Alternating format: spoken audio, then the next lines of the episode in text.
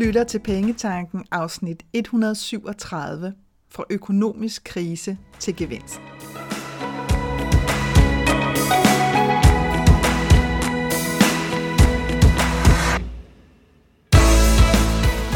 Velkommen til Pengetanken. Jeg hedder Karina Svensen. Jeg fokuserer på hverdagsøkonomi med et livsfokus. Når du forstår dine følelser for dine penge og dine tankemønstre omkring din økonomi, så har du direkte adgang til det liv, som du ønsker at leve. Lad os komme i gang. Jeg er nødt til at tale om den krise, som mange mener, at vi står i lige nu med de her stigende priser på rigtig mange forskellige ting. Fordi det, jeg har lyst til at tale om, det er, om der virkelig er tale om en krise, eller om det er vores opfattelse, der skaber krisen. Og lad mig bare lige understrege for god ordens skyld. Jeg er fuldt ud bevidst om, at der er nogle mennesker, hvor der vidderligt er tale om en alvorlig økonomisk krise. Altså hvor de vil være nødt til at gå fra hus og hjem, øh, og hvor at situationen er meget, meget alvorlig. Så det er jeg fuldt ud bevidst om. Spørgsmålet er bare, om vi alle sammen skal krybe ind under den paraply. Fordi spørgsmålet er, om vi alle sammen vidderligt står midt i en krise. Og for lige at blive klogere på sprogbrugen, så slog jeg ordet krise op i den danske ordbog. Og her der står der blandt andet, vanskelig eller farlig situation, hvor tingenes tilstand er forværret eller akutte problemer er opstået. Og den beskrivelse er jo selvfølgelig op til sådan en helt individuel fri fortolkning. Og måske er det også bare min egen trang til at afdramatisere. Fordi er det en vanskelig situation, vi står i, hvor at mange priser er steget, eller mange ting er steget voldsomt i pris? Ja, det kan da godt være vanskeligt. Vanskeligt, fordi det kræver noget af os. Det kræver, at vi begynder at tage meget mere bevidst stilling til, om vi med fordel kan justere noget i vores økonomi. Er der noget, som vi i en periode skal stoppe med at bruge penge på? Skal vi justere nogle planer om for eksempel ferier eller større fester, som netop kan give os den her lidt større økonomisk polstring, som det kan være, at vi får brug for. Nu talte jeg for eksempel med en mand forleden, som jeg stødte på, hvor at han køber fysiske aviser, og aviser er, alt er relativt, forholdsvis dyre sådan alt i alt. Og han fortalte, at han sad og kiggede ind i en kæmpe forøgelse af en af hans regninger. Og det, som han ligesom sagde til mig, det er, at han havde overvejet, om, hans, om han skulle få hans øh, avisabonnementer på hans tablet i stedet for, fordi så ville han trods alt spare en hel del penge på et år. Og som han så også sagde i samme sætning, det er jo ikke fordi, jeg på nogen måde er på spanden, men jeg vil jo også gerne stadig på ferie. Vi vil jo gerne stadig det hele. Og i virkeligheden er det måske her, at den virkelige krise ligger for rigtig mange af os. Fordi at mange af os har simpelthen en manglende villighed til at acceptere, hvordan at virkeligheden ser ud lige nu. Det er den her periode, hvor at vi kan gå og diskutere benzinpriser længe, ikke? Og nu er den så begynder at løje af, fordi nu er vi sjovt nok begyndt at vende os til, okay, det ser sådan her ud, og ja, nogle gange kan der være op til en krones forskel, men den ligger altså stadigvæk over 14 kroner, det er crazy og alt muligt, men nu er vi bare blevet sådan lidt trætte af at snakke om den. Og jeg siger ikke, at vi fra den ene dag til den anden, når vi oplever store ændringer, bare skal sige, nå, nå, det skal nok gå. Fordi der er også en tid, hvor vi lige skal have brug for at gå i vatter og balance igen. Men min anke er bare, at vi ofte er uvillige til at acceptere længe, hvordan virkeligheden ser ud. Og det betyder, at vi går i unødigt lang tid øh, og diskuterer og laver historier. Og det samme gør medierne. Så kommer der masser af historier, enkelstående historier omkring, hvor frygteligt det vil være for den her befolkningsgruppe og den her type mennesker og folk med den her økonomi. Men vi taler bare aldrig rigtigt om, hvor meget er det, vi taler om her? Hvor mange mennesker helt konkret er det, vi taler om her? Og det er jeg helt med på, det kan også være super svært at definere. Men det her med at forstå for os selv, at det kan være nødvendigt at justere vores planer i en periode, er det virkelig en krise? Og når jeg bliver ved med sådan at understrege i en periode, så er det jo fordi, at det er en periode. Vi har sådan en tendens til, at jeg gør det også selv, at når det er, at jeg er nødt til at lave nogle større ændringer i mit liv, også i min økonomi, så kan jeg altså ryge ind i den her sådan, tankegang, der sådan hedder, godt, det er så sådan her, mit liv er fra nu af. For evigt kan vi aldrig holde juleaften, for evigt kommer vi aldrig på vinterferie, for evigt kommer vi aldrig på sommerferie, og så videre, så videre, så videre. Det er simpelthen vores hjerne, der trigger os en gang imellem, ikke? hvor vi sådan ryger i den her. I stedet for at sige, det her er en periode. I en periode, der er vi nødt til at gøre noget andet. Og det kan også være, at der er nogle vaner, der skal laves om. Det kan være, at der måske skal handles lidt mere i Netto end i Føtex eller Irma i en periode. Det kan være, at vinterferien netop og sommerferien til næste år måske skal sættes på hold og sige, det gør vi så ikke. Nu venter vi lige og ser, hvad der sker med nogle af de her lidt crazy store regninger, og så må vi bruge pengene derfra til det. Måske er det julen i år, at vi siger, prøv at høre, vi dropper skulle lige gaveræset, hvis det er der, I har en tendens til at gå amok, I vil undre jer over, hvor mange penge, der bliver blæst af. Men det gør jo ikke, at man stadigvæk ikke kan hygge sig. Og det er jo igen det her med, er det virkelig en krise, hvis det var, at vi skulle holde én jul, hvor der måske kun var én lille pakke, hvis det endelig var, per person. Men hvor der stadigvæk kan være super meget hygge. Altså, er det virkelig en krise? Eller er vi blevet så komfortable, at de her udsving i vores liv, de sætter os i en krigstilstand? Og det jeg også bare har lyst til at sige, det er, at hvis der nu er en eller flere regninger, som du modtager, hvor du godt kan se, det her det kan jeg simpelthen ikke betale på én gang, så er der altså måder at håndtere det på. Og det er for eksempel at kontakte dem, der skal have betaling og lave en betalingsaftale. Og der er jo allerede rent politisk i gang med at blive lavet alle mulige aftaler om udskydelse og hjerter hjerter. Øhm, så, så det er også bare for at sige, det kan sagtens være, at det er super ukomfortabelt, hvis du er en, der er vant til altid at betale alle dine regninger til tiden. Du har aldrig manglet penge til noget, og du ligesom har fået lavet en identitet, sådan en økonomisk identitet på dig selv om, at jeg er sådan en, der har styr på tingene. Jeg har aldrig fået en rykker, der er aldrig noget, jeg ikke betaler til tiden. Ja, så, så kan du godt stå i sådan en mini-identitetskrise, hvis det er, du godt kan se, her der bliver jeg simpelthen nødt til at være ærlig og sige, det, det, det kommer ikke til at ske. Jeg har simpelthen ikke nogen mulighed for at skaffe alle de her penge på én gang. Men det er stadigvæk okay. Du overlever. Ikke? Du er bare nødt til at acceptere, at der er nødt til at ske noget andet.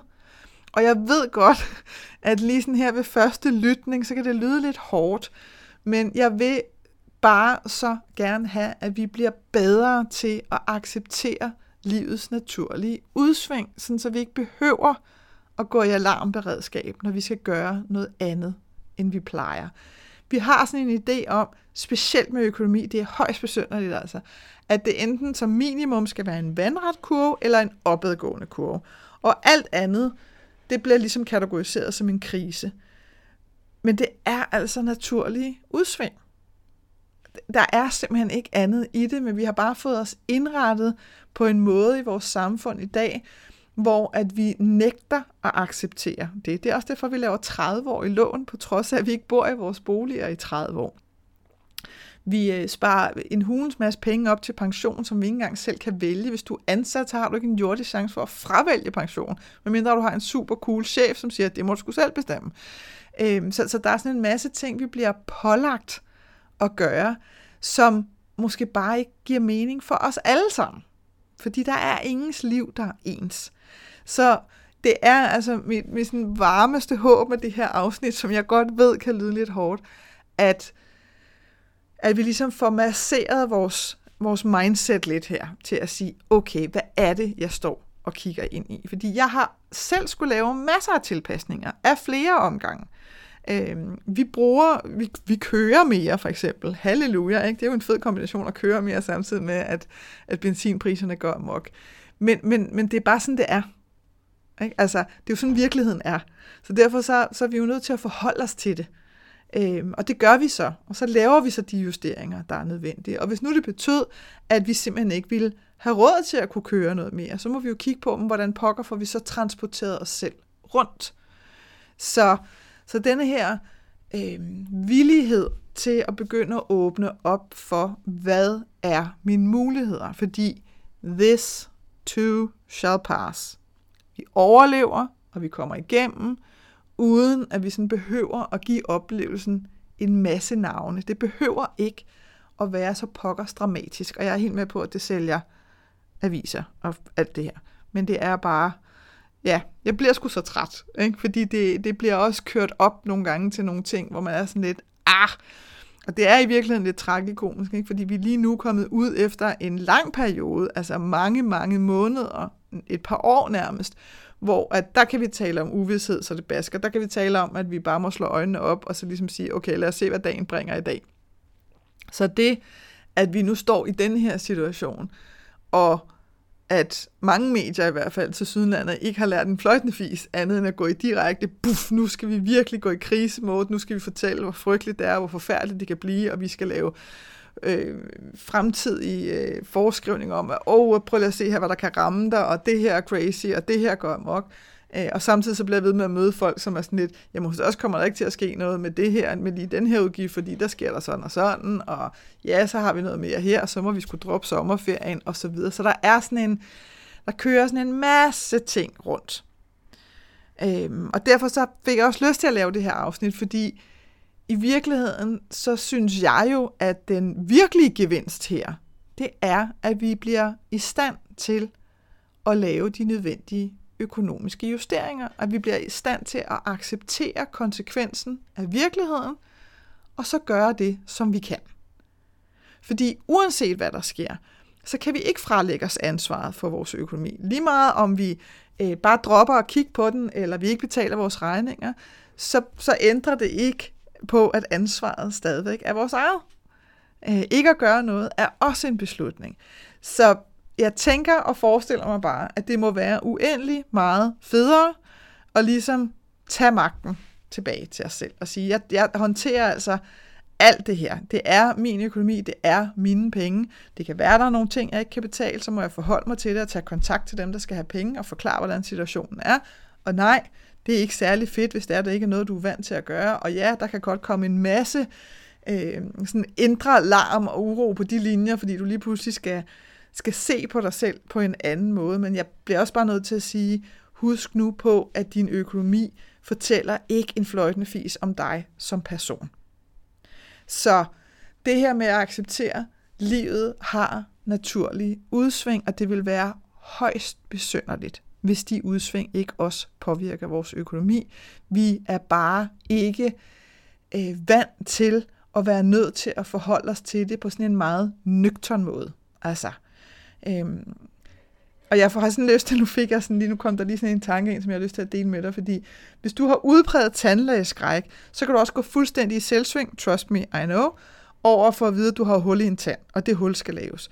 Hvis du spørger tandlægen, hvor katastrofal den her handling er, så vil tandlægen sige, prøv lige at høre, det er altså det, der sker en gang imellem. Det er ikke Karinas skyld, øh, der er gået hul i en tand, vi laver den, og så er det overstået. Altså, der er ikke mere i det. Men for mig, som ikke synes, det er særlig fedt at gå til tandlæge, jeg er dog blevet bedre til det, fordi jeg har en fuldstændig fantastisk tandlæge, så kan jeg sagtens få blæst det her op. Og hvis det er, at jeg ikke virkelig får kigget på at, at tage fat om mig selv, øh, og tage mig af mig selv, så kan der gå fuldstændig i selvsving. Altså, så kan jeg da ødelægge hele dagen før, at jeg skal afsted. Men jeg kan også vælge at sige, prøv lige at høre, hvad siger din erfaring der? Ja, du har været op hos din tandlæge før, du har fået prøvet at lave et hul i din tand før, det gik fint, alt var godt, og bagefter der tænkte du måske ovenikøbet, okay, så var det så heller ikke værre. Og det er bare det her med, lad os nu bruge de erfaringer, vi har. Og hvis du sidder og tænker, jamen jeg synes ikke, at mine erfaringer er særlig fede, eller jeg står virkelig i en situation, hvor jeg ikke ved, hvad jeg skal gøre, jamen så sæt dig ned stille og roligt og sig, hvad er mine muligheder her? Ikke? Tal med en god ven eller veninde om det. Øh, finde ud af, hvad er min mulighed her? Hvad kan jeg gøre? Og hvis du gerne vil blive bedre til netop at håndtere de her naturlige udsving, der kommer, og måske gerne lige vil have en, du lige sådan kan pejle af med, jamen hvad pokker kan jeg gøre her, fordi der er måske ikke rigtig nogen, du har lyst til at snakke med det om, så meld dig ind i Dare to Dream Club, fordi herinde, der har du også mulighed for at spørge mig til råds. Du kan spørge mig lige så tossepjattet mange gange, du har lyst til på mail, og ellers så er der udvalgte telefontider, hvor at jeg giver rådgivning. Så der er der altså også mulighed for at få en snak. Så min varme opfordring er bare at sige, valget er dit, ansvaret for din økonomi er din, uanset hvad der sker i verden omkring dig. Så for guds skyld, tag magten tilbage, sådan så at du kan mærke, at her der er det altså dig, der bestemmer, sådan så du ikke lader dig vivle rundt af, hvad det er, der sker ude i virkeligheden. Jeg håber, at det her afsnit fra Pengetanken har været med til at inspirere dig til at skabe et liv for dig selv med penge nok til det, som du ønsker dig. Og hvis du tænker, at nu skal der ske noget, så gå ind på min hjemmeside www.kenddinepenge.dk og se, hvad dit næste skridt skal være. Vi høres ved.